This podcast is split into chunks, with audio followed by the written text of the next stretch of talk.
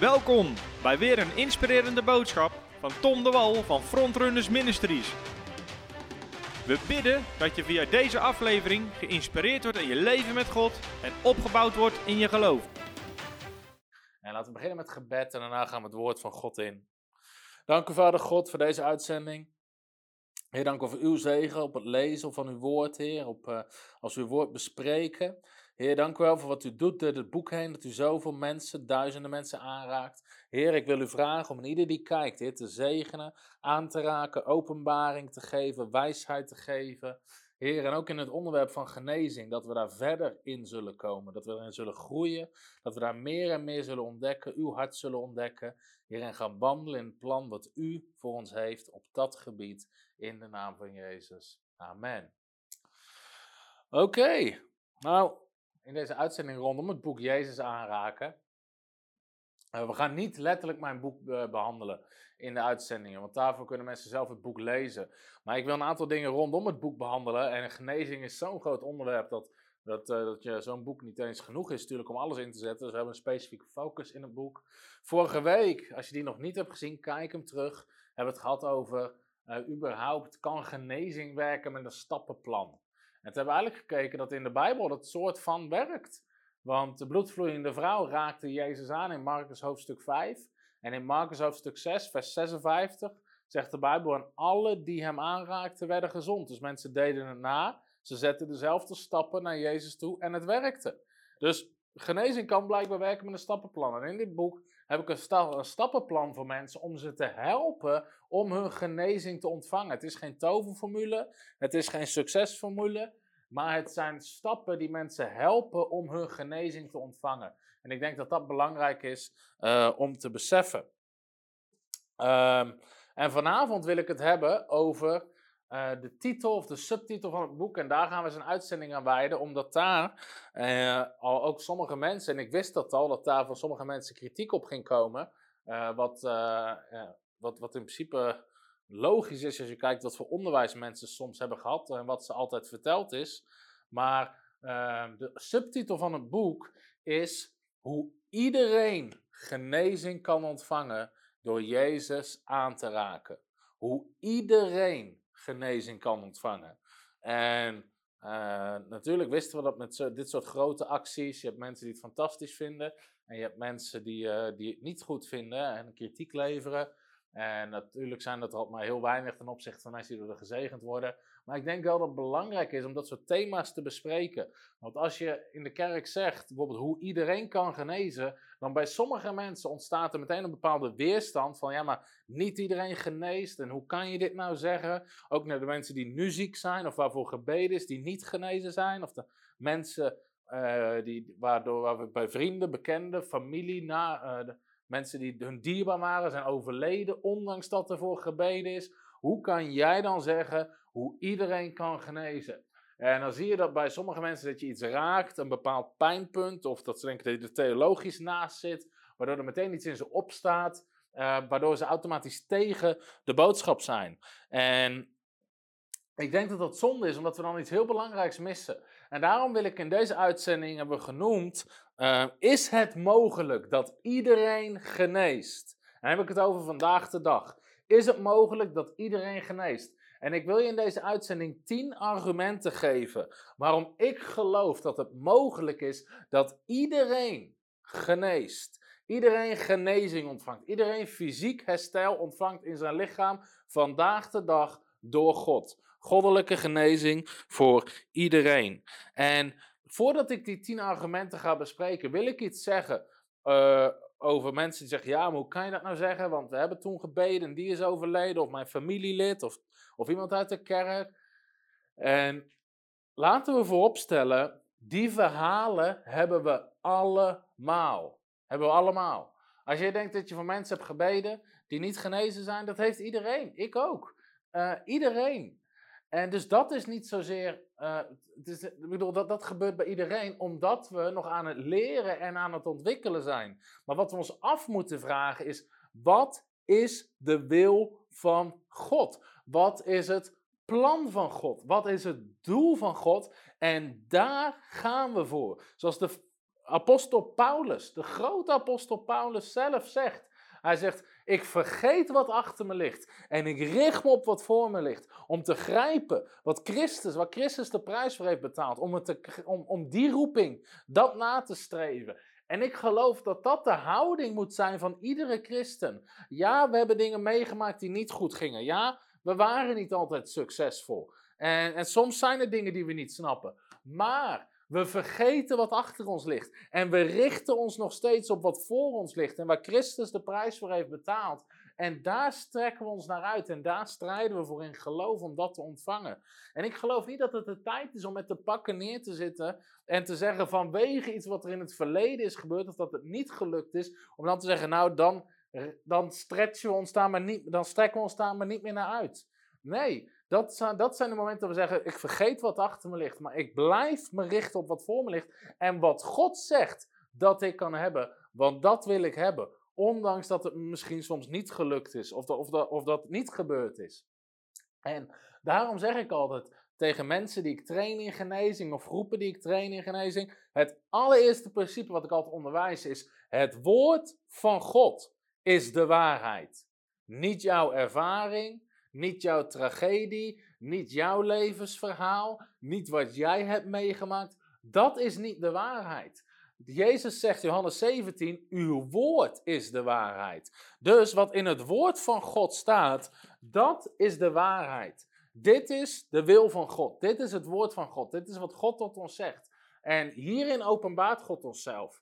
En dit, dit, daarom is ook het vaste en zekere woord van profetie. Dus dit is wat vast is en wat zeker is. Onze omstandigheden kunnen veranderen. Het kan zijn dat we voor mensen bidden en in het begin gebeurt er niks, maar wij leren, we ontwikkelen, we groeien in geloof, we groeien in geestkracht, we groeien in de gaven van de geest, waardoor het meer en meer begint te gebeuren. Het woord van God verandert niet, maar wij kunnen veranderen. En wij horen te veranderen. Daarom zegt 2 Korinthe hoofdstuk 3 dat wij constant van gedaante, christenen, veranderd worden terwijl we naar Jezus kijken om steeds meer op Hem te gaan lijken. En die tekst uh, zal ik even voorlezen. 2 Korinthe hoofdstuk 3, ontzettend krachtige tekst. Over steeds meer op Jezus gaan lijken. En dat is een proces waar iedereen in zit. 2 Korinthe hoofdstuk 3, vers 18. Wij nu allemaal, die met onbedekt gezicht de heerlijkheid van de Heer als in een spiegel aanschouwen. En met onbedekt gezicht betekent de Bijbel zegt toen de wet er was, lag er een bedekking over het evangelie en over Christus. Maar de wet, uh, Jezus is gekomen, die heeft de prijs betaald voor de wet. Dus, en nu zien we Jezus en nu zien we God zoals het echt bedoeld is. Dus die bedekking is weg. Dus nu wij allemaal die met onbedekt gezicht de heerlijkheid van de Heer Jezus als in een spiegel aanschouwen, worden van gedaante veranderd naar hetzelfde beeld. Van heerlijkheid tot heerlijkheid, zoals dit door de geest bewerkt wordt. Als we naar Jezus kijken, dan is het alsof we in de spiegel kijken en zien waar God ons voor bedoeld heeft. Daarom zegt Romeinen 8, vers 28 dat we allemaal geroepen zijn om te lijken op de zoon. Die hebben we als het goed is tussen de dia's staan, iets verderop. Het is niet even de eerste. Romeinen 8, vers 28. Dus het is als een spiegel. Als we naar Jezus kijken, dan zien we het plan van God voor ons leven en we kijken daarna. En er zit geen bedekking meer tussen ons en God in. En we worden naar datzelfde beeld veranderd, van heerlijkheid tot heerlijkheid. Dus wij groeien, wij veranderen, wij komen verder in het plan van God. We groeien in geloof, we groeien in geestkracht. En onze resultaten zullen veranderen. Het woord van God verandert niet. Uh, vers 11, en ook vers 28? Nee? Oké. Ik dacht dat we die ook hadden, maar die hebben we blijkbaar niet erin staan. Maar Romeinen 8, vers 28, uh, daar staat: We zijn allemaal geroepen om naar het beeld van de zoon gelijkvormig te worden. Om daarop te gaan lijken. Dus een van de eerste stappen als je wil groeien in genezing is bouw je theologie niet op je tragedie. Bouw je theologie niet op je tragedie. Bouw wat jij gelooft over God, niet op je eigen ervaring en wat mis is gegaan. Dus zeg nooit: God wil niet altijd genezen, want ik heb voor mijn tante gebeden en die is ook niet genezen. Dan bouw je je theologie en jouw geloof van God op jouw ervaring, in plaats van op het woord van God, of in plaats van op Jezus Christus, de rots onder ons geloof. De Bijbel zegt het woord is de waarheid en Jezus zegt ik ben de waarheid, de weg en het leven. Dus dat is de waarheid, niet onze ervaringen. Zo vaak hoor ik mensen zeggen, ja het is niet altijd de wil van God, want ik heb gebeden voor die persoon en die is niet genezen. Ons leven, ons resultaat, laat niet de perfecte wil van God zien. Het woord van God en Jezus Christus, zij laten de perfecte wil van God zien. Dus bouw je theologie niet op je tragedie. Want met onze ervaringen, Christus is de maatstaf. Christus is waar we naartoe groeien. Christus is waar we voor geroepen zijn. Toen Christus naar de aarde kwam, toen zei God, kijk, zo ben ik. En zelfs de discipelen, er is maar één Bijbelverhaal waarin de discipelen voor iemand bidden die niet geneest. Maar eentje. Gaan we nog wel naar kijken in deze uitzending. Dat moet ons al aan het nadenken zetten. Dat er maar één verhaal is in het Nieuwe Testament waar de discipelen voor iemand bidden die niet geneest.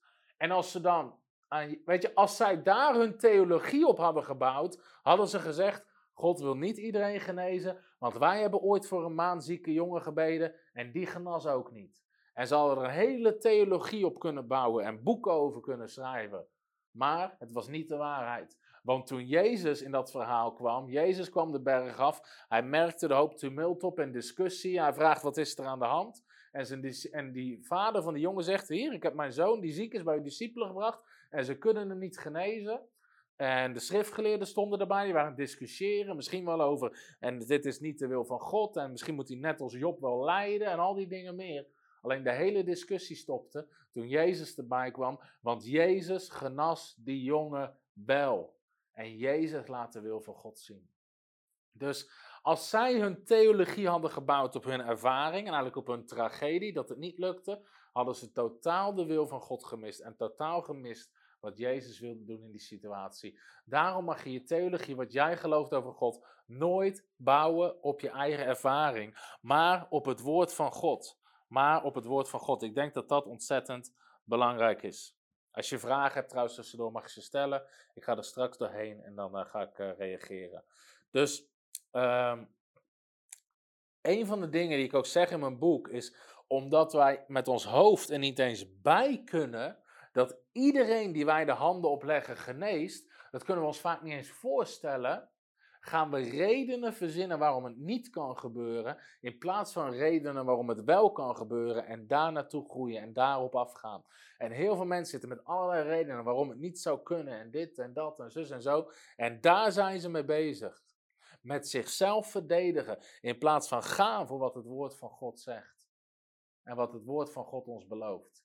En en, en ik denk dat dat zo belangrijk is dat we daar anders in gaan denken. En daarom, weet je, we, en daarom geloof ik dat het belangrijk is dat we dit prediken en dat we deze boodschap verspreiden. Dat God iedereen wil genezen en dat God iedereen kan genezen en dat iedereen genezing kan ontvangen. En ik weet dat het in het begin confronterend is, omdat het voor veel mensen nieuw is. Want het enige wat ze gehoord hebben is: God wil niet iedereen genezen. En niet iedereen geneest nou eenmaal. En dat is wat ze altijd gehoord hebben. En nou, nou zeggen we in één keer iets wat, wat nog veel verder weg lijkt en wat, waar mensen moeite mee hebben. Maar we moeten het prediken. Waarom? Het is wat het woord van God zegt en daar moeten we naartoe groeien. En soms voelt het ook wel alsof we het aan oprekken zijn. De standaard ligt zeg maar hier in Nederland. We hebben genezingsdiensten, af en toe wordt er iemand genezen. En dat vinden veel mensen goed en mooi en prima, hoewel daar al vragen zijn. Moet je aparte genezingsdiensten houden? Maar als we dan in één keer zeggen, wacht eens, de standaard ligt niet hier, maar de standaard ligt hier. God wil altijd genezen. Hij wil iedereen genezen. Iedereen kan genezing ontvangen. Weet je, dan, dan snap ik dat we dingen aan het oprekken zijn. Dat mensen daar moeite mee hebben. Maar we moeten dit prediken. We moeten dit neerzetten zodat we hier naartoe gaan groeien. Dat we hier gewend aan raken. Weet je, nu met de coronamaatregelen, iedereen heeft het over het nieuwe normaal. Weet je, ik bid dat dit het nieuwe normaal wordt. Dat het woord van God het nieuwe normaal wordt. Dat we gewoon zeggen, dit is wat de Bijbel zegt. Zonder dat we allerlei dingen eromheen verzinnen. En lieve mensen, en ik zeg dit met heel veel liefde in mijn hart, maar we zitten zo ver bij de waarheid vandaan.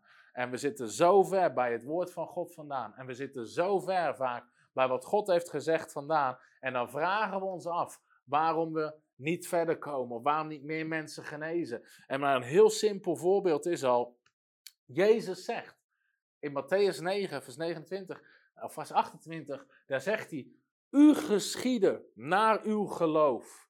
U geschieden naar uw geloof. Dus in andere woorden, je krijgt wat je gelooft. Je krijgt wat je gelooft over genezing. U geschieden naar uw geloof.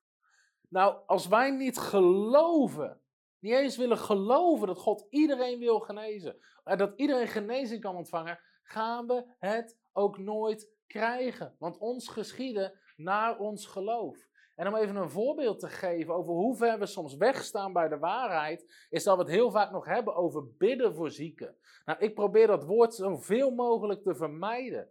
En weet je, soms komt het beter uit in een bepaalde zin, maar bidden voor zieken is eigenlijk niet eens bijbels. De bijbelse opdracht van Jezus was zieken genezen. Zieken genezen. Hij zegt in Matthäus 10, vers 8, genees de zieken. Dat zegt hij tegen zijn volgelingen. Hij zegt niet tegen ze, ga bidden voor de zieken en kijk wat er gebeurt. Nee, hij zegt genees de zieken. En hij zegt in Marcus 16, leg handen op zieken en maak ze gezond. Weet je, hij heeft het niet over bidden. Hij heeft het over ze genezen door de kracht van God. En we zijn daar zo ver bij vandaan gehaald. En we zitten zo ver bij de standaard van God. Dat wij zeggen in een dienst: we gaan bidden voor de zieken en kijken wat er gebeurt. En we snappen niet hoe ver we wegzitten bij de waarheid en bij wat het woord van God zegt. Want het woord van God zegt in Hebreeën 11 dat ons geloof is een zekerheid. Als we zeker weten wat er gebeurt, hoeven we niet te zeggen we gaan bidden voor de zieken en kijken wat er gebeurt. Als we zeker zouden weten wat er gebeurt en als we dit echt zouden geloven, zouden we zeggen: breng alle zieken naar voren en we gaan ze genezen. Maar dat durven we niet te zeggen. En dat zeggen we niet. En dat zegt iets over waar ons geloof zit en waar onze normaal zit. Maar God wil ons een nieuwe normaal geven. Dat we groeien in geloof. Omdat uiteindelijk iedereen kan genezen. En weet je, daarom in de Bijbel zie je met zo'n zekerheid dat er over geloof wordt gesproken. Weet je, dit staat allemaal niet in mijn aantekeningen. Dat krijg je er allemaal gratis bij. Ehm, maar laten we eens even een tekst lezen uit het boek Handelingen. Om te zien hoe zij met genezing omgingen. Ik ga even het verhaal opzoeken van, uh, van Petrus en Eneas in Handelingen hoofdstuk 9 vanaf vers 32. Dit is een van mijn favoriete verhalen. Handelingen 9 vanaf vers 32, daar staat dit. En het gebeurde dat Petrus, toen hij overal rondreisde, ook bij de heiligen kwam die in Lida woonden. En daar vond hij een man van wie de naam Eneas was, die al acht jaar op bed lag en verlamd was. En Petrus zei tegen hem: Eneas, Jezus Christus maakt je gezond. Sta op en wandel. Sta op en maak je bed op. En hij stond meteen op. Tot zover. Nou, dit is hoe de apostel Petrus die met Jezus had gewandeld, waar Jezus het voor had gedaan, met genezing omging. Hij komt een man tegen die al acht jaar op bed ligt. Hij zegt niet, Eneas, zal ik voor je bidden? En hij gaat naast Eneas staan en zegt, Vader God, dank u wel dat we hier bij Eneas zijn. U weet hoe zwaar hij het al heeft. Hij heeft al acht jaar lang heeft hij dit. We bidden voor wijsheid voor de artsen. We bidden voor kracht voor de vrienden en bekenden om hem te steunen. En Heer, als het u wil is, zou u hem dan alstublieft willen genezen. Weet je, dat is hoe er in veel kerken voor genezing gebeden wordt. Maar daar zit geen geloof achter, er zit geen kracht achter. Maar wat doet Petrus? Wat ons voorbeeld is. Hij zegt, Eneas, Jezus Christus maakt je gezond. Hij bad niet, hij genas hem. Hij zei het al voordat er iets zichtbaar was. Hij zei, Eneas, Jezus Christus maakt je gezond. Sta op en ga lopen. Dat is zieken genezen. Dat is staan in autoriteit. En laten we gewoon heel eerlijk zijn met z'n allen. Daar zitten we vaak niet. Daar zitten we vaak niet. En dan vragen we ons af van waarom gebeurt het niet altijd? En ligt het aan God? Nee, het ligt niet aan God. Het ligt aan ons. Wij zijn aan het groeien. Wij zijn aan het leren. Wij mogen meer vrijmoedigheid hebben. Wij mogen meer geloof hebben. Wij mogen gaan doen wat het woord van God zegt. En zieken genezen. In plaats van bidden voor zieken. En dit alleen als introductie om aan te geven hoeveel er is waar we in kunnen groeien waar we in kunnen groeien. En daarom moeten we ons met z'n allen op dat groeiproces inzetten. En zeggen, wij gaan groeien om het te doen zoals Jezus ons gezegd heeft om te doen. Dus Ik denk dat dat belangrijk is. Bouw je theologie niet op je tragedie. Laten we teruggaan naar de Bijbelse waarheid, naar de Bijbelse standaard. En laten we daar uh, voor gaan. En um, ik wil dus tien argumenten aanhalen waarom ik geloof dat iedereen kan genezen. Waarom iedereen kan genezen. Nou, argument 1 is heel simpel. Argument 1, bij Jezus genas iedereen. Dus nogmaals, sommigen zeggen, ja, hoe kan je nou weer schrijven of iedereen kan genezen? Niet iedereen geneest en mijn tante is niet genezen. Hoe kan jij nou zeggen hoe iedereen kan genezen in je boek?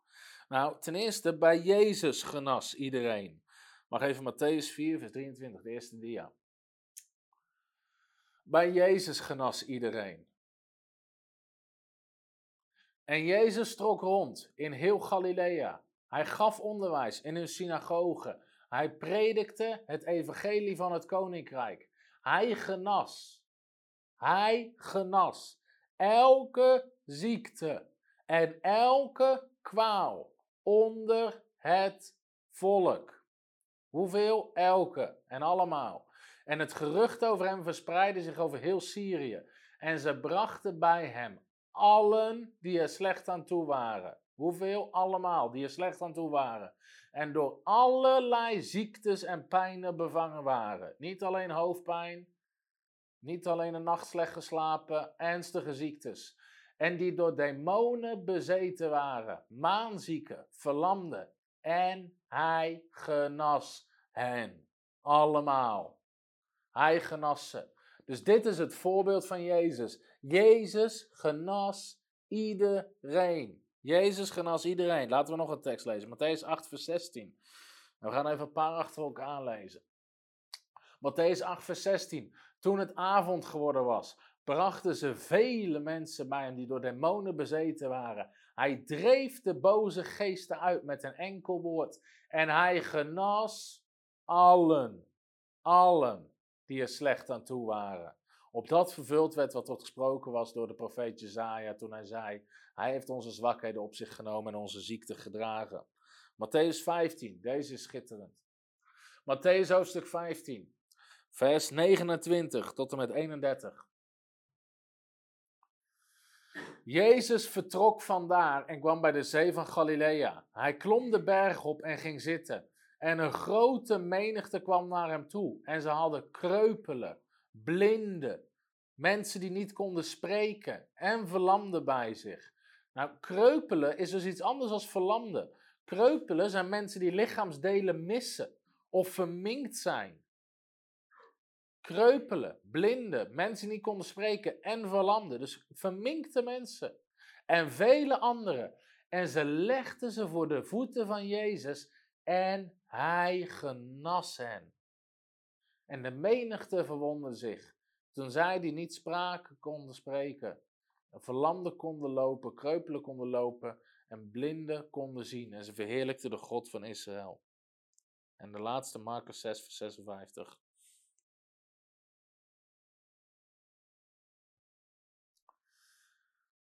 En toen zij het schip waren uitgegaan, herkenden zij meteen. En men liep heel de streek door en begon licht, hen die op lichtmat en er slecht aan toe waren met zich mee te dragen. Naar de plaats waarvan ze hoorden dat hij daar was. En waar hij ook kwam, in dorp of steden of in gehuchten, daar legden ze de zieken op de markten en smeekten hem of ze al was maar de zoom van zijn kleed mochten aanraken.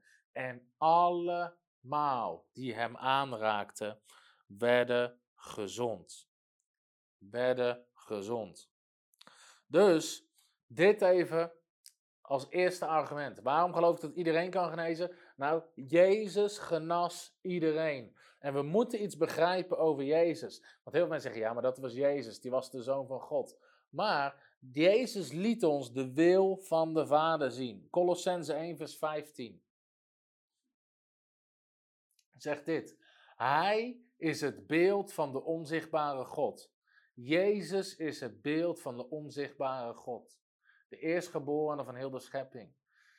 Dus Jezus geeft ons het juiste beeld. Hij is het beeld van God. Jezus zei niet voor niks in Johannes 14. Daar zei hij, toen Filippus hem vroeg, Heer, laat ons de Vader zien, zei Jezus dit in vers 9. Als je mij hebt gezien, heb je de Vader gezien. Johannes 14, vers 8 en 9.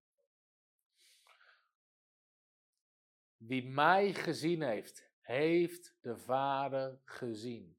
Wie mij gezien heeft, heeft de Vader gezien. Dus het is ongelooflijk dat mensen zeggen: ja, God wil niet iedereen genezen. Als Jezus zegt, wie mij gezien heeft, heeft de Vader gezien. En tekst na tekst na tekst zegt dat Jezus iedereen genas.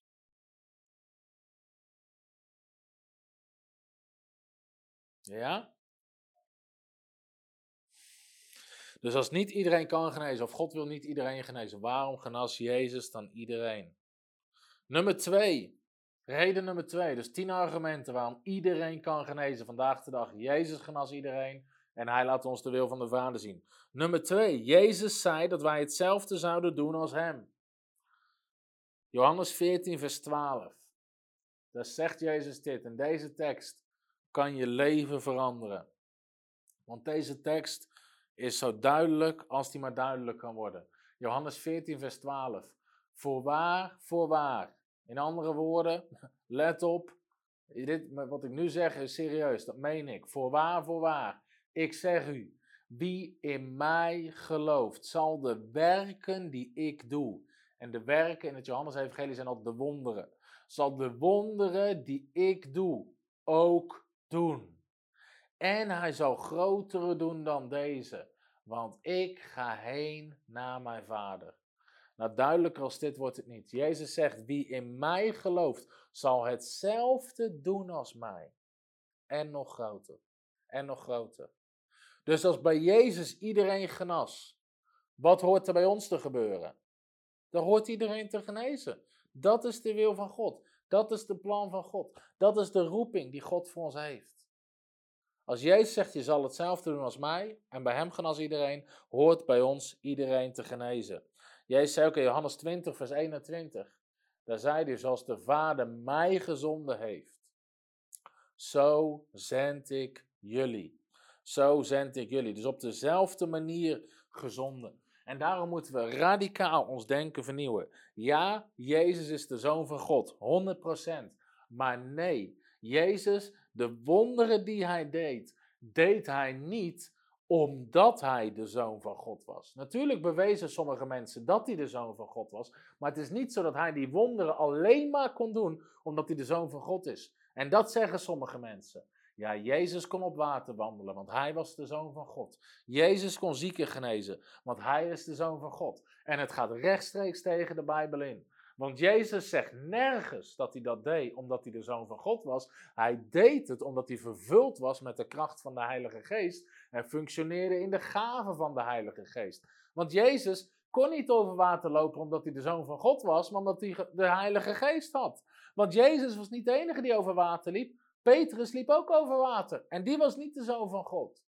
Ieder wonder wat Jezus doet, daagt hij zijn discipelen uit om het ook te doen.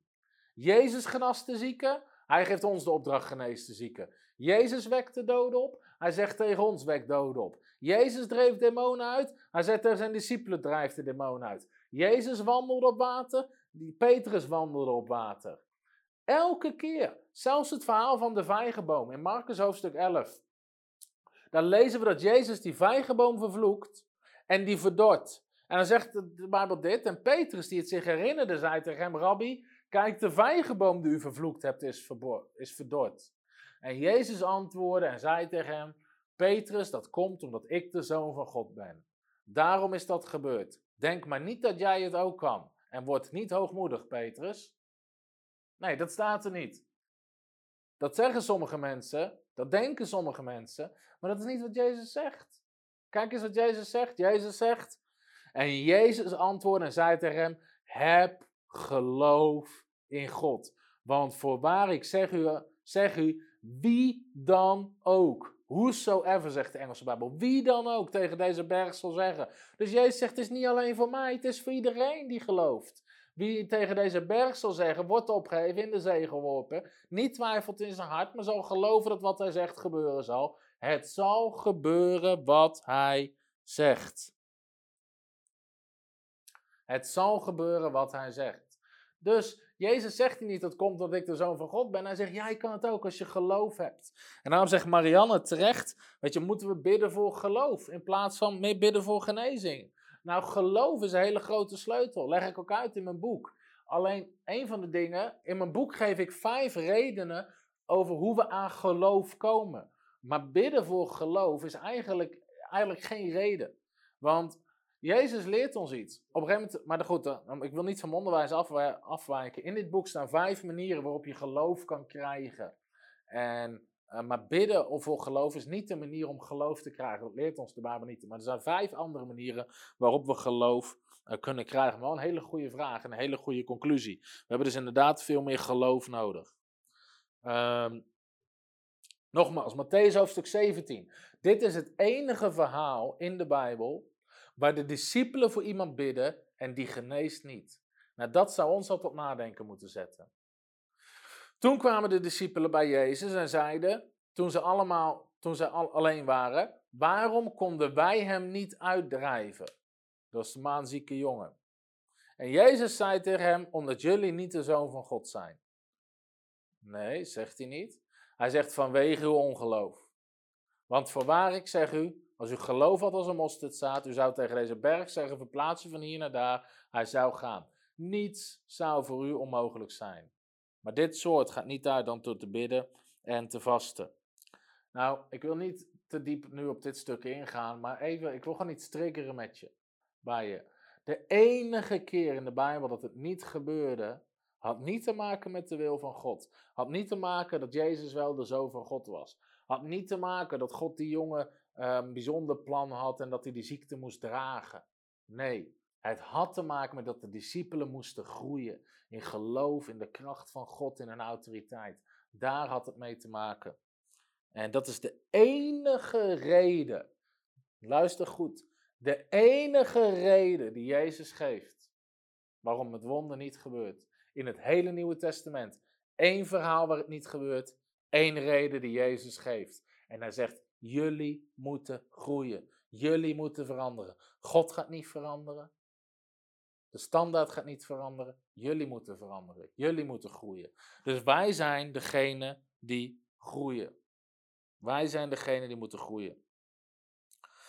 Ja, dus wij kunnen dezelfde werken. Nou, dit is belangrijk om te beseffen. Dat is reden nummer drie. Namelijk tien redenen waarom iedereen kan genezen, ook vandaag de dag. Omdat sommige mensen zouden zeggen, ja, maar dat was Jezus. Nee, Jezus zei dat wij het ook konden doen. Maar bij de apostelen en bij de discipelen genas ook vaak iedereen.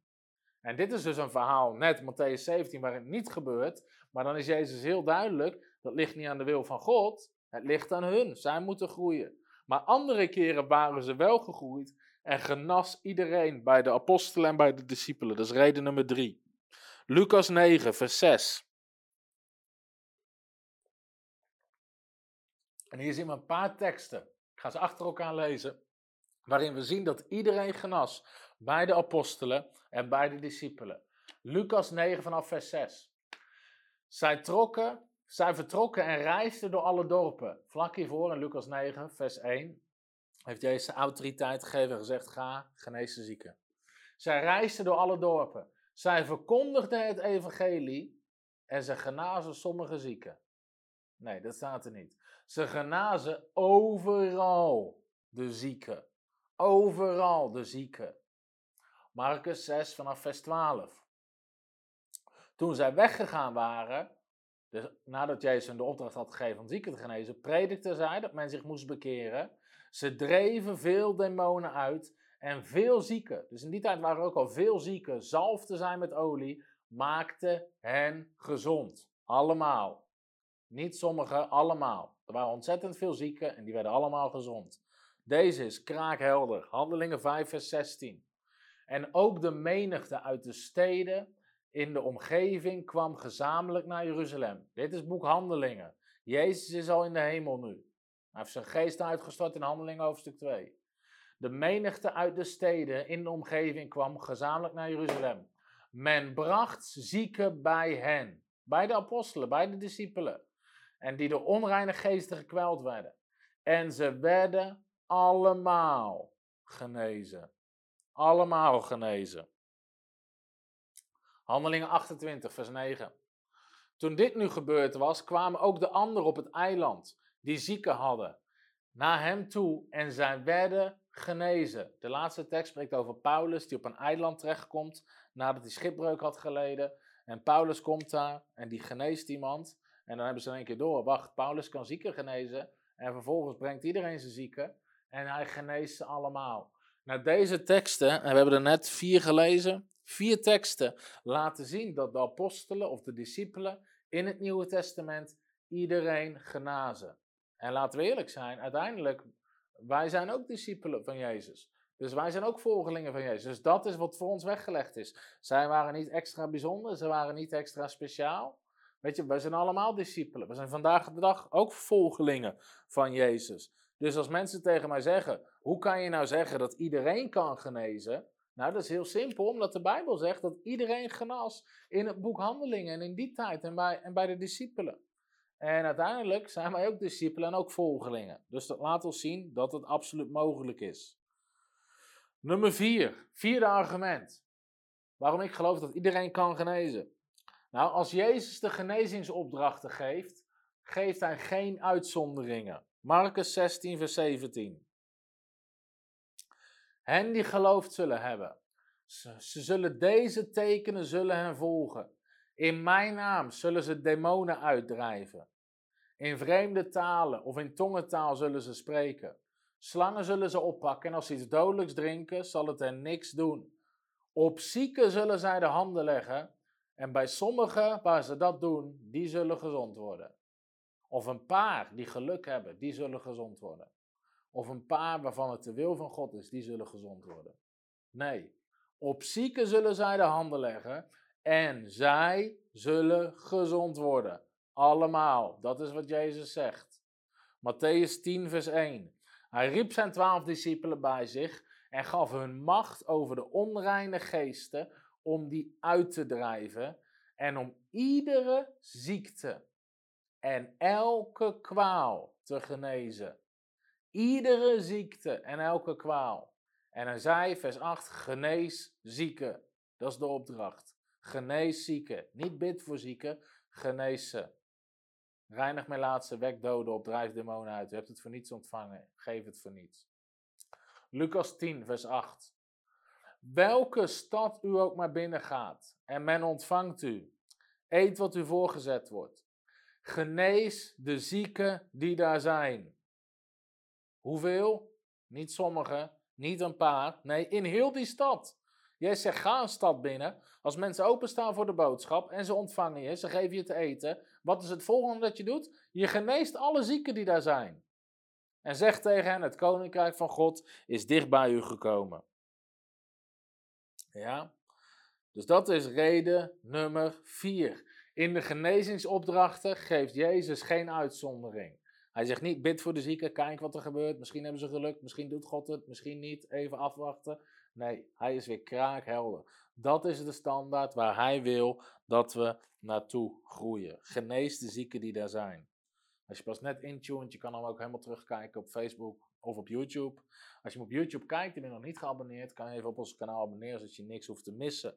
Reden nummer 5, waarom ik geloof dat iedereen kan genezen. Reden nummer 5 is heel erg simpel. Jezus stierf voor iedereen. Jezus stierf voor iedereen. En toen Jezus stierf, betaalde hij de prijs voor onze zonden, onze ongerechtigheden en onze ziekte. Kraakhelder in de Bijbel. En Jezus stierf voor iedereen. En iedereen kan dat ontvangen. Net zoals dat iedereen vergeving kan ontvangen, kan ook iedereen genezing ontvangen. Jezaja 53, vanaf vers 4. Voorwaar onze ziekte heeft hij op zich genomen. Onze ziekte heeft hij op zich genomen. Even vers 5. Hij is om onze overtredingen verwond, onze ongerechtigheden verbrijzeld en de straf die ons vrede aanbrengt was op hem. Door zijn striemen is er voor ons genezing gekomen. Want God heeft uiteindelijk ziek gemaakt. God heeft ziekte op Jezus gelegd. Zodat Jezus heeft die prijs betaald aan het kruis. En natuurlijk, omdat God wist dat er een aantal christenen waren die zouden zeggen: ja, maar dat is geestelijk. Heeft God het er nog een keer extra in de Bijbel gezet, in Matthäus hoofdstuk 8, waar het letterlijk op fysieke genezing wordt toegepast, deze tekst. Toen het nu avond geworden was, brachten ze velen die door demonen bezeten waren bij hem. Hij dreef boze geesten uit met wenkelwoord. Hij genas alle die er slecht, aan toe waren, opdat vervuld werd. Wat gesproken was door de profeet Jezaja. Toen hij zei, hij heeft onze zwakheden op zich genomen en onze ziekte gedragen. Onze ziekte gedragen. Jezus stierf voor iedereen. Wie zijn zonde is Jezus voor gestorven? Voor iedereen. Voor wie zijn ziekte is Jezus gestorven? Ook voor iedereen. Dus we kunnen dat allemaal ontvangen. Daarom zegt Psalm 103, zegt ook. Prijs de Heer, o mijn ziel, en vergeet niet een van zijn weldaden. Die al uw ongerechtigheden vergeeft. Vergeeft God een paar zonden? Of vergeeft God al je zonden als je erom vraagt? Hij vergeeft ze allemaal. Maar wat doet hij met je ziektes? En die al uw ziektes geneest. Die al uw ziekte geneest, staat daarna. Dus God vergeeft al onze zonden en hij geneest al onze ziektes. Het is hetzelfde offer. Daarom laat Jezus ook iedere keer zien dat voor hem is het niet moeilijker om een zonde te vergeven dan zieken te genezen. Dit lezen we in Matthäus hoofdstuk 9, dat verhaal waar ze die verlamde man door het dak heen laten zakken. En dan lezen we dat verhaal en dan ga ik even uh, intunen in uh, vers 4. Jezus die hun gedachten zag, zei waarom overweeg, overweegt u verkeerde dingen in uw hart? Wat is gemakkelijker om te zeggen, zegt hij tegen de fariseeërs. Dus die man is net door het dak gezakt, voor zijn voeten gelegd, die verlamd is. Wat is gemakkelijker?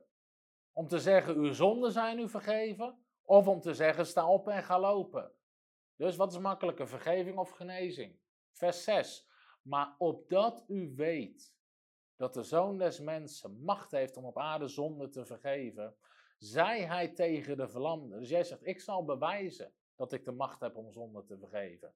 En hij, draait zich om naar die verlamde en zegt, sta op, neem je bed op en ga naar huis. En hij stond op en ging naar huis.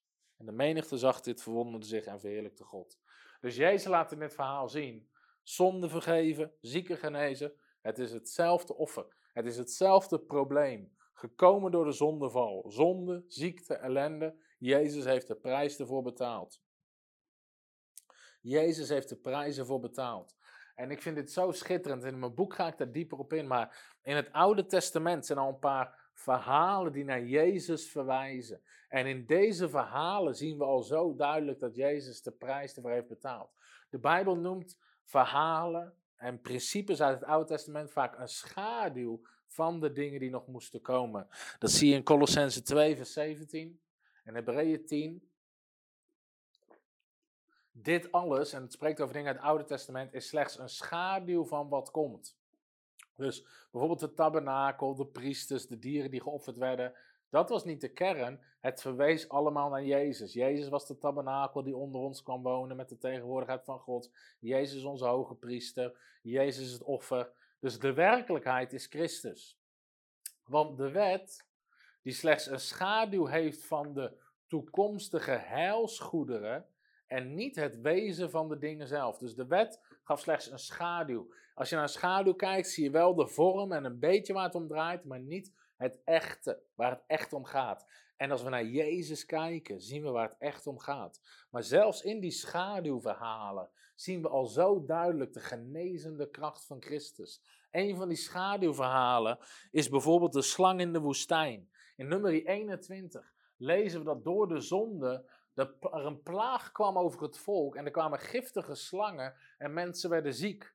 Maar dan is dit het antwoord van God. En de Heere zei tegen Mozes: Maak een slang een gifslang en zet hem op een staak. Zoals Jezus later gekruist werd. Zet hem op een, uh, op een, op een, uh, op een kruishout eigenlijk. En het zal gebeuren dat iedereen die gebeten is, dus iedereen die ziek is, in leven zal blijven als hij daarnaar kijkt. En toen maakte Mozes een koperen slang en zette hem op de staak. En het gebeurde als de slang iemand beet, dat hij naar de koperen slang keek en in leven bleef. En dan zegt Jezus dit over zichzelf. Zoals Mozes de slang in de woestijn verhoogd heeft. Dus Jezus zegt over Mozes, zoals Mozes de slang in de woestijn verhoogd heeft, zo moet de zoon des mensen verhoogd worden. Dus Jezus zegt, dat gaat eigenlijk over mij. Het is een typebeeld, een schaduw van mij. Nou, als iedereen in het Oude Testament kon genezen door naar een koperen slang op een stok te kijken, hoeveel te meer kunnen wij genezing ontvangen? Ook iedereen. Als we kijken naar het werkelijke offer Jezus Christus en begrijpen welke prijs hij betaald heeft. Als een koperen slang al genoeg was, wat slechts een schaduw was, waardoor niet sommigen, niet een paar, maar iedereen genas. Hoeveel te meer kunnen wij allemaal genezing ontvangen als we beseffen dat de werkelijkheid in Christus ligt. Het is een schitterend verhaal. Het enige wat ze moesten doen was kijk en leef. Zie en leef. En de enige voorwaarde die God ons geeft is geloof en ontvang. Geloof en ontvang wat Jezus heeft gedaan aan het kruis. Een ander schitterend verhaal, een schaduwverhaal uit het Oude Testament, is het verhaal dat het volk van God bevrijd wordt uit Egypte. En uh, eigenlijk is het een typebeeld van Christus die ons bevrijdt uit de slavernij van zonde en uit de macht van de duivel. Zo kwam Mozes als een typebeeld van Jezus hij bevrijdde het volk uit de macht van de farao. Ze gingen door de Rode Zee, wat weer symboliseert de doop, zegt 1 Korinthe 10. En ze werden daar vrijgekocht en ze gingen op weg naar hun beloofde land. Maar ze moesten eerst door de woestijn heen. En het is een type beeld van ons en ons leven met God. Maar wat niet iedereen weet, is dat zelfs in dat schaduwverhaal God een groot wonder deed. Want hoe werden ze bevrijd? De Bijbel leert ons in Exodus hoofdstuk 12 dat ze moesten het lam slachten. En ze slachten het lam en dan deden ze het bloed deden ze langs de deurpost. En dat zorgde ervoor dat het oordeel van God, wat over Egypte kwam, waarin God de zonde van Egypte aanrekende, dat dat niet op de kinderen van God kwam, niet op de kinderen van Israël. Dus het bloed van het lam zorgde voor vergeving en zorgde voor gerechtigheid. Zoals het bloed van Christus vandaag ons vergeving geeft en gerechtigheid geeft en al onze zonden wegdoet, zodat God er niet naar kijkt en de veroordeling ons nooit kan raken. Dat is wat het bloed van het lam doet. Maar er was nog iets wat gebeurde. Want de Bijbel zegt in Exodus 12 vers 8 dat ze moesten dat paaslam eten. Dus het lam slachten ze, het bloed deden ze op de deurposten en het vlees aten ze. Dat was het lichaam van het lam. Maar wat er gebeurde toen ze het lichaam aten tijdens de uittocht, tijdens de exodus uit Egypte, kwam Gods genezende kracht toen het lam geslacht werd en iedereen werd genezen die at van het lam. En dat zegt de Bijbel in Psalm 105. Psalm 105. Hij leidde hen uit, uit Egypte met zilver en goud. En er was geen ziek persoon onder hun stammen. Een andere vertaling zegt: niemand was zwak, niemand bleef achter, niemand strompelde. Er was geen ziek persoon onder hun stammen. Nou, hoeveel mensen bevrijdde God uit Egypte? Ongeveer een miljoen mensen. Ongeveer een miljoen mensen. Nou, als we vandaag de dag gewoon een miljoen mensen uit onze samenleving zouden pakken, jongeren, ouderen, dan zouden er ontzettend veel ziek zijn. En heel veel zouden te ziek zijn om een tocht mee te maken door een woestijn heen. Maar niemand bleef achter, zegt de Bijbel. Want God genas ze allemaal toen het paaslam geslacht werd en gegeten werd. En dan zegt de Bijbel dit in de tekst die we net ook in beeld hadden. Daar staat namelijk: uh, Ons paaslam is ook voor ons geslacht. Christus. 1 Korinthe 5, vers 7. Dus Christus is ons paaslam. Christus is ons paaslam. Dus Christus is geslacht voor ons. Zijn bloed geeft ons vergeving, geeft ons gerechtigheid. Maar zijn lichaam, wat gebroken is voor ons, geeft ons genezing. En hij is voor iedereen gestorven, zodat iedereen die Jezus aanroept vergeven kan worden en gerechtvaardigd worden. Ook als je dit kijkt. En misschien ken je Jezus niet. Jezus is voor je gestorven aan het kruis. Hij wil je zonde vergeven. Hij wil, je, hij wil je rechtvaardigheid geven, gerechtigheid geven. Het enige wat je hoeft te doen is de naam van de Heer aan te roepen. Vraag, erom, vraag om vergeving. Vraag om genezing van je hart. En God zal in je leven komen. Maar hetzelfde geldt voor genezing. Want het bloed heeft gevloeid en het lichaam is gebroken op genezing, voor genezing. Hij droeg onze ziekte, zegt Jezaja 53. Door zijn striemen zijn we genezen, door zijn bloed zijn we vergeven. Het offer van Christus is voor iedereen en daarom kan ook iedereen genezen. Dus dat is reden nummer 5.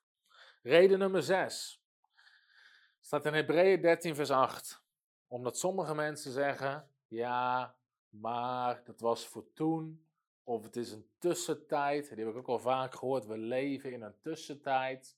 Nou, helemaal niet. Hebreeën 13, vers 8. Jezus Christus is gisteren, heden, dezelfde tot in eeuwigheid. Er staat niet, ik kan nog een keer een beeld doen. Er staat niet, Jezus Christus is gisteren dezelfde, maar nu zitten we in de tussentijd. Er staat, hij is dezelfde, heden tot in de eeuwigheid. Christus verandert niet. En ik snap dat we leven in de periode tussen de eerste komst van Christus en de volmaakte komst van het koninkrijk, waar er geen tranen, geen dood, geen pijn meer zal zijn. Maar Christus heeft de prijs al betaald. En we hebben gezien de discipelen en de apostelen ze daarin wandelen en iedereen genazen. En als iedereen kan vergeven, moeten we ook geloven dat iedereen kan genezen. Jezus is dezelfde. Jezus is dezelfde. Soms zeggen mensen tegen mij, ja maar Tom, weet je, de, de, de tijd van wonderen is geweest. Nou, ik heb goed nieuws voor je. Er is nooit een tijd van wonderen geweest. Er is een God van wonderen en Hij is altijd dezelfde. En God blijft dezelfde en daarom is het altijd een tijd van wonderen. Vandaag, morgen, volgende week. Maakt niet uit of we hier in Werkendam zijn, bij jou in jouw stad of in jouw dorp komen. Als we er zijn, is de tijd van wonderen er. Want God is met ons en Hij is niet veranderd. Dus Jezus is dezelfde. Dus waarom geloof ik dat iedereen kan genezen? Omdat Jezus iedereen genas, de discipelen genazen iedereen en Jezus is hetzelfde. Hij is niet veranderd. Maar dat is een van de beste boodschappen uit de Bijbel. Van allerlei mensen veranderen, allerlei dingen veranderen, maar Jezus verandert niet. Hij is dezelfde door alle eeuwen heen. Nummer 7. Waarom ik geloof dat iedereen kan genezen. Staat in Matthäus hoofdstuk 15.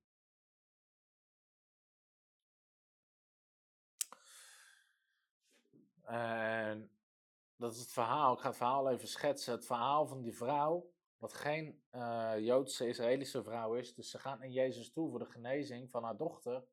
Uh, maar Jezus wil eerst genezing geven aan de kinderen van Israël. En, uh, want daar was hij, hij was daar weggegaan omdat hij zo moe was. Omdat zoveel mensen kwamen. En dan komt hij hier en dan komt die vrouw om genezing vragen. En dan zegt Jezus, want hij wil het eigenlijk niet geven aan die vrouw.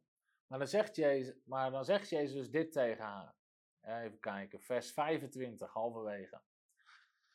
Maar zij kwam dichterbij, knielde voor hem neer en zei: Help mij. 26. Hij antwoordde en zei: Het is niet behoorlijk of het is niet goed het brood van de kinderen te geven aan de honden of naar de hondjes te werpen. En zij zei: Ja, heer, maar de honden eten toch ook van de kruimels die vallen van de tafel van hun bezitter. En hij zei: Vrouw, groot is uw geloof, het zal gaan zoals u wil. En vanaf dat moment was haar dochter gezond. Nou, reden nummer zeven, waarom ik geloof dat het voor iedereen is. Jezus zegt hier, genezing is het brood van de kinderen. Genezing is het brood van de kinderen. Jij zegt het is niet goed om het brood van de kinderen te nemen. Dat ging over genezing en bevrijding. En dat te geven aan de honden. Nou, honden hebben geen recht op de maaltijd. Honden moeten als laatste wachten en misschien als er iets over is, krijgen ze iets. Kinderen niet. Kinderen hebben recht op de maaltijd, mogen aanschuiven, mogen pakken wat ze willen. En het goede nieuws is, Jezus zegt, genezing is het brood van de kinderen. Want die vrouw vroeg om genezing en jij zegt, het is niet goed om het brood van de kinderen te nemen en aan de honden te geven. Wat is het goede nieuws voor ons vandaag de dag? Wij zijn kinderen van God geworden. Johannes 1, vers 12 zegt: Alle die hem aangenomen hebben, heeft hij macht gegeven om kinderen van God te worden. Wij zijn aangenomen tot kinderen, zegt Efeze. Wij zijn allemaal kinderen van God geworden als je gelooft in Jezus.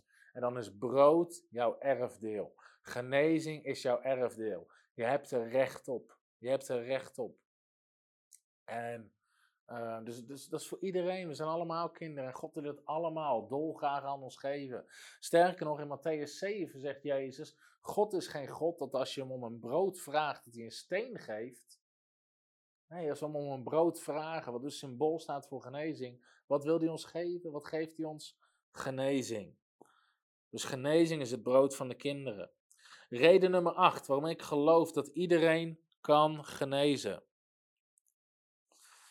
Romeinen 8, vers 11. Als de geest van hem die Jezus uit de doden opgewekt heeft in u woont,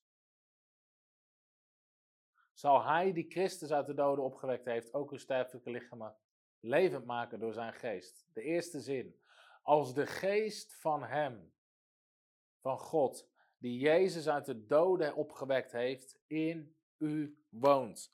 Nou, waarom geloof ik dat iedereen kan genezen?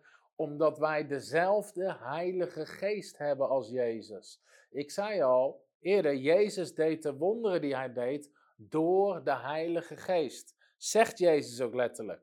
Jezus zegt, als ik door de Geest van God demonen uitdrijf, dan is het Koninkrijk van God bij u gekomen. Laat me die tekst even opzoeken. Uh, ik weet niet zo uit mijn hoofd waar die staat. Ik ga even een poging doen. Ik denk dat het uh, Lucas 12 is. Of Matthäus 12 misschien. Als ik door de geest van God. Ja, Lucas, uh, Lucas 11, vers 20. Als ik door de vinger van God. En eigenlijk is dat door de geest van God. Uh, Matthäus zegt: Als ik door de geest van God de demonen uitdrijf. Dan is het koninkrijk van God bij u gekomen. Ga ik heel even kijken dat in Matthäus 12 staat, die ik zei. Anders is er vast iemand die hem heel snel via Google kan vinden. In de comments. Maar... Ja, Matthäus 12, vers 28.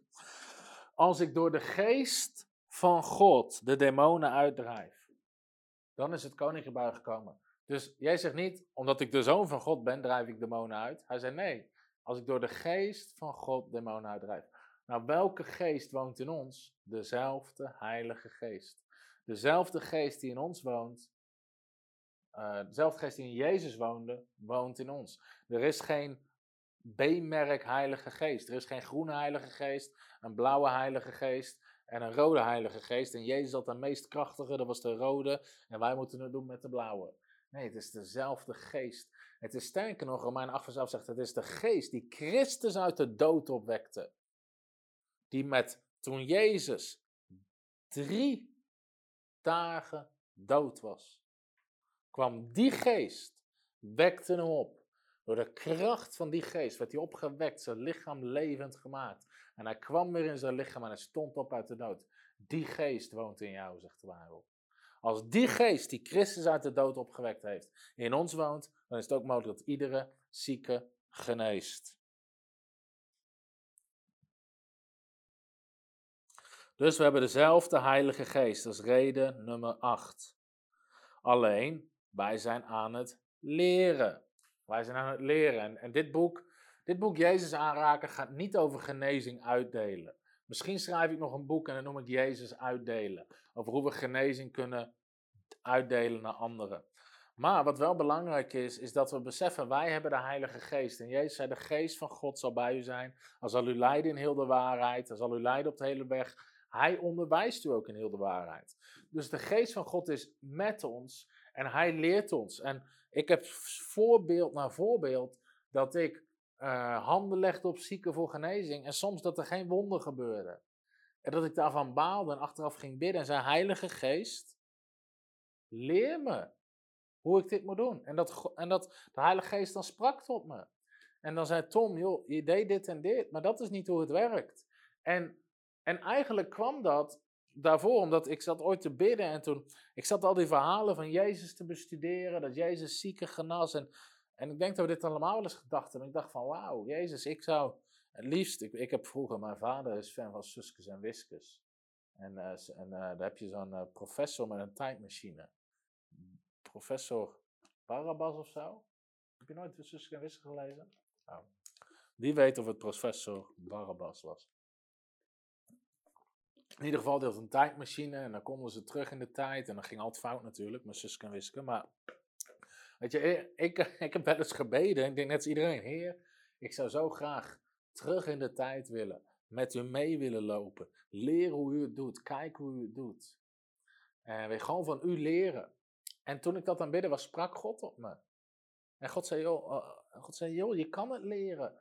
Want de Heilige Geest is met je en hij leidt je in heel de waarheid. Weet je, dezelfde geest die Christus had. Jezus zegt, ik stuur mijn geest zodat je geen wees bent, maar dat ik je kan onderwijzen in de hele waarheid. Zie je, het is Barabbas.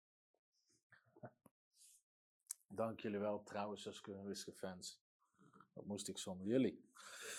Um, maar de geest van God is bij ons om ons te onderwijzen. We hebben dezelfde Heilige Geest. Reden nummer 9, Romeinen 2, vers 11.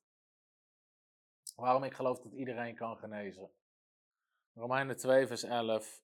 Er is geen aanziens des persoons bij God. Dat is Romeinen 2, vers 11. Er is geen aanziens des persoons bij God. In andere woorden, God heeft geen lievelingetjes, God heeft geen voorkeur, God heeft geen. Weet je, er is geen aanziens des persoons. God maakt geen onderscheid tussen de een en de ander. God wil iedereen genezen, God wil iedereen vergeven. Ik denk dat het zo belangrijk is. Daar hebben we het vorige keer ook over gehad. Maar was de bloedvloeiende vrouw toevallig het lievelingetje van Jezus, dat ze die dag genas? Of Bartimaeus? Nee, iedereen had het kunnen zijn. Als ze maar leerden hoe ze Jezus moesten aanraken. En reden nummer 10, waarom ik geloof dat genezing voor iedereen is. Naast dat Jezus het voordeed, dat we dezelfde Heilige Geest hebben, dat de opdrachten er zijn, dat de discipelen het deden, dat de, het boek Handelingen Paulus dat liet zien.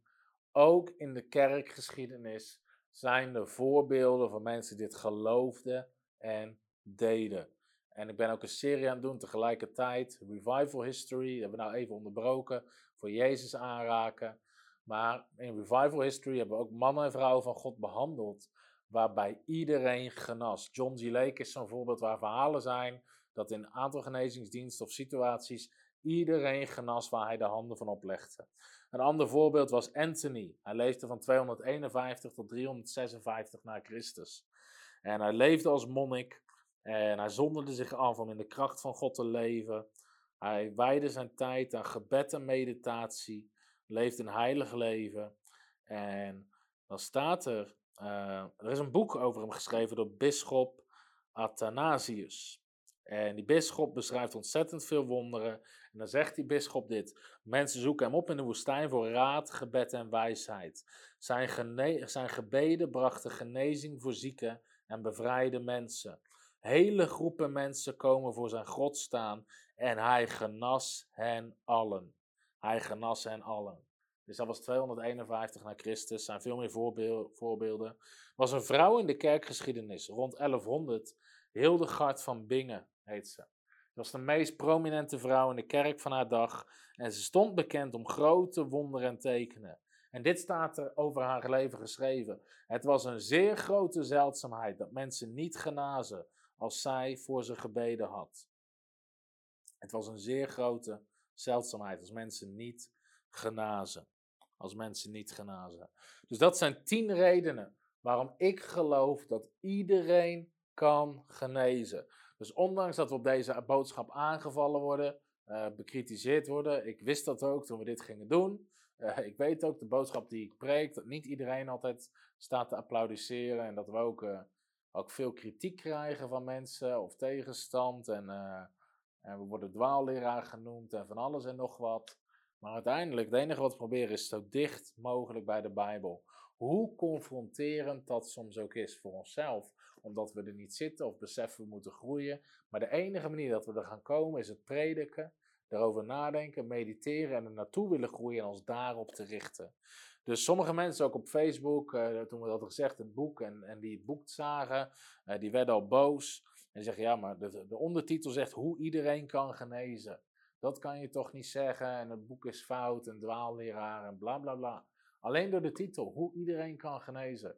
En sommige mensen zeggen zelfs, ja, maar dat is een, een boodschap die valse hoop geeft. Weet je wat valse hoop geeft? Zeggen dat God de een wel wil genezen en de ander niet. Terwijl God iedereen wil genezen.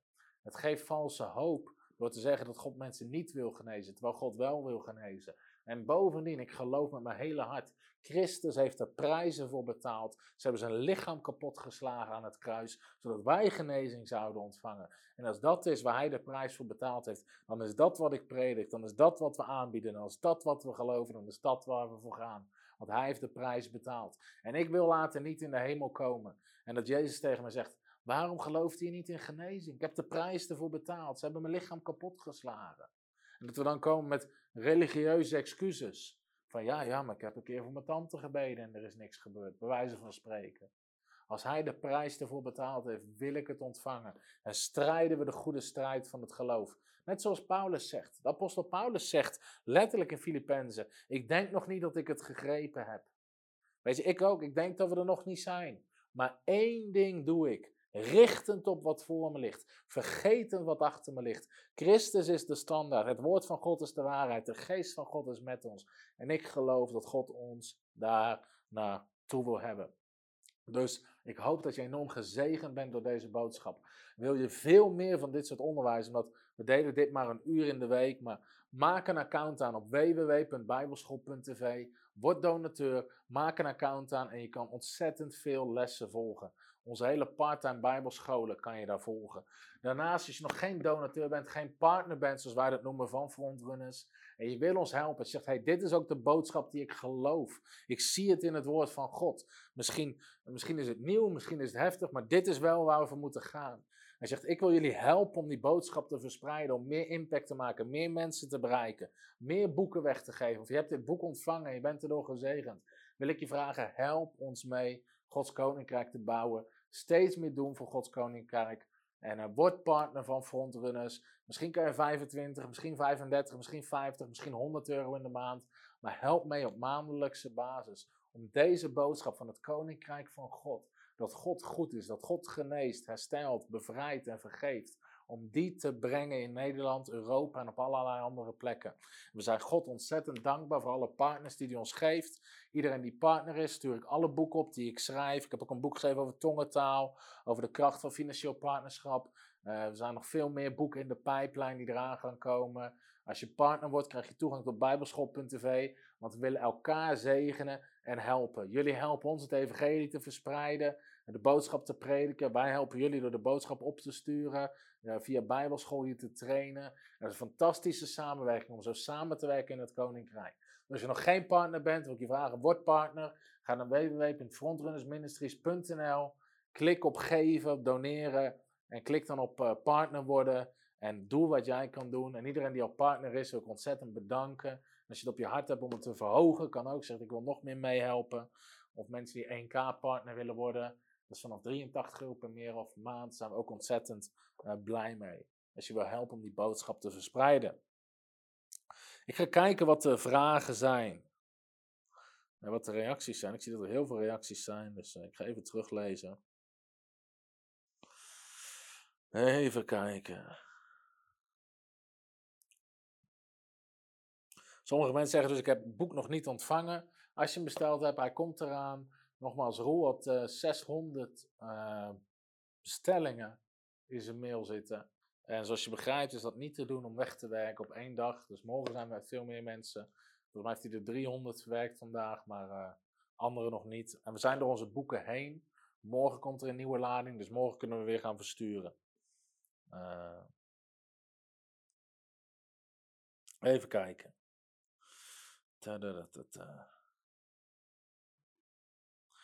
Guido zegt: Hoe moet je omgaan met de persoon voor genezing als het niet lukt?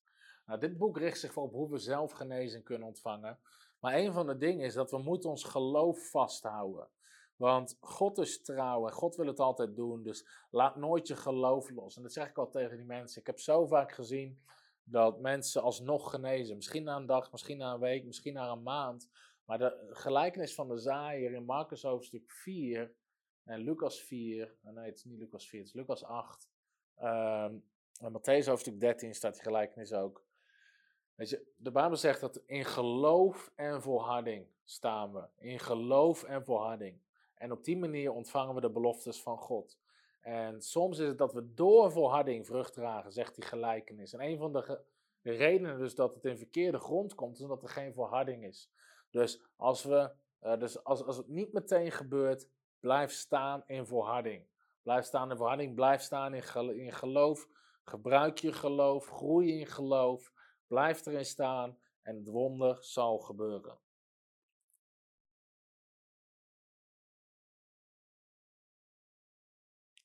Jacobus 5, vers 14 staat dat de oudste roept de oudste en bid voor de zieken. Ik heb natuurlijk gezegd in de, in de uitzending dat ik het zo min mogelijk probeer te hebben over bidden voor zieken. Het klopt dat Jacobus 5 zegt dat uh, het gebed van de gelovigen zal de zieken weer oprichten. Uh, dus de enige keer waar de Bijbel gebed linkt aan ziekte. In het Nieuwe Testament. Alle andere keer staat er genees de zieken. Dus verreweg de meeste keer staat er genees de zieken, leg hand op zieken, maak ze gezond. Alleen in Jacobus 5 staat er, uh, staat er het geloofgebed zal de zieken oprichten. Of zal hem weer oprichten. Dus uh, het is ook niet verkeerd, maar ik denk als we gaan gebruiken genees de zieken, dat we een andere mindset krijgen en er meer geloof uh, in vrijzetten. Ik zie een reactie van iemand over dat Jezus niet onze ziekte heeft gedragen, maar ik denk dat ik daar duidelijk genoeg op in ben gegaan. Matthäus 8, dat dat wel zo is en de schaduwverhalen uit het Oude Testament, dat het overduidelijk wel het geval is. Dankjewel voor iedereen die dit hele bemoedige serie vindt. Bart van der Bos vraagt: hoe moet je. Uh, iemand anders vraagt: wat is de tiende? Jenny V. Visser. Ja, ik denk Jenny van Visser. We hebben een uitzending. Einde van de tiende discussie heet die. Op YouTube, ja. Einde van de tiende discussie. Als je dat intypt op YouTube, krijg je een uur lang onderwijs over tiende. En als het daarna niet duidelijk is, hoor ik het graag. Maar ik denk dat die uitzending heel duidelijk is. Over wat tiende zijn en principe erachter. Hoe moet ik mijn geloof sterk maken? Vraagt Bart van der Bos. Uh, Bart, als je dit boek bestelt, dan staat er in vijf manieren om te groeien in geloof. Je kan ook ons magazine bestellen, staat ook gratis in de webshop. Hè? En uh, die hebben we nog, toch? Ja. Daar staat ook een artikel in over groeien in geloof. En dus dit, dit soort uitzendingen te luisteren. Je merkt al, daarom heten deze uitzendingen Voice of Faith. We willen een stem van geloof zijn Paulus zegt in Romeinen 10, dit is het woord van geloof wat we prediken. Dus als we geloof prediken, dan staat, ontstaat er geloof in je hart. Dus je merkt dat dit soort uitzendingen zorgen dat er geloof ontstaat in je hart. Dus ook veel van dit soort onderwijs te luisteren. Oké, dat waren ze. Dat waren de vragen, waren de reacties. Super dat je gekeken hebt. God zegen. Ik zie je graag volgende week weer. En, uh, en anders op ons YouTube kanaal staat nog gigantisch veel onderwijs. Abonneer je erop en je hoeft niks te missen. Vul je met Gods woord. Tot de volgende keer. Hallo, Tom de Wol hier en bedankt dat je weer geluisterd hebt naar onze podcast. Ik bid dat het je geloof gebouwd heeft en je bemoedigd bent. Als je niet alleen een luisteraar van onze boodschap wil zijn, maar ook een verspreider daarvan, wil ik je uitnodigen om partner te worden van Frontrunners. Door jouw maandelijkse donatie help je ons om dit evangelie van Jezus Christus en het woord van God over heel de aarde te brengen. Om partner te worden, ga naar www.frontrunnersministries.nl slash partners en word partner. Hartelijk bedankt en tot snel. Heb je ook zo genoten van deze inspirerende boodschap van Tom de Wal? Abonneer je dan op deze podcast. Volg ons op Facebook en op Instagram en kijk op onze website frontrunnersministries.nl.